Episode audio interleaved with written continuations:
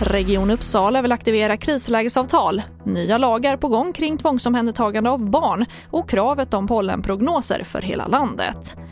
Ja, här är TV4-nyheterna som börjar med att Region Uppsala vill återigen aktivera krislägesavtalet för viss vårdpersonal på Akademiska sjukhuset. Anledningen är den allvarliga situationen på intensivvården när antalet covidpatienter ökar.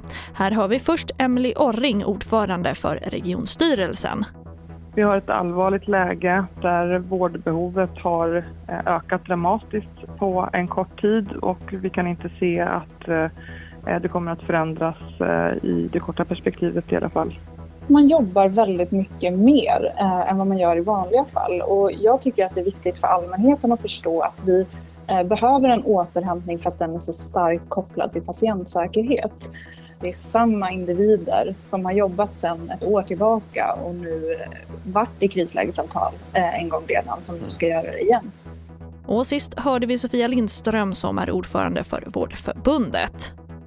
Och fem lagändringar ska stärka tvångsvårdande barns rättigheter. Det föreslår regeringens utredare för att undvika nya tragiska fall, likt det med treåriga Lilla hjärtat för drygt ett år sedan. Bland annat föreslås högre krav för att avsluta en familjehemsplacering och tydligare uppföljning efter avslutad LVU-vård. Och mer om det här kan du se på tv4.se. Och vi avslutar med att nu kräver Astma och allergiförbundet att regeringen skjuter till pengar så att hela Sverige ska få pollenmätningar. Idag täcker prognoserna bara den södra halvan av landet och Kristina Ljungros är generalsekreterare på Astma och allergiförbundet. Vad som nu har hänt det är att visa vilket bräckligt system det här är, där det finns lite statlig finansiering, lite regional finansiering. Och då riskerar precis det här att uppstå, att en del av landet blir utan pollenprognoser. Därför måste regeringen gå in och ta ett ansvar och finansiera pollenprognoserna över hela landet.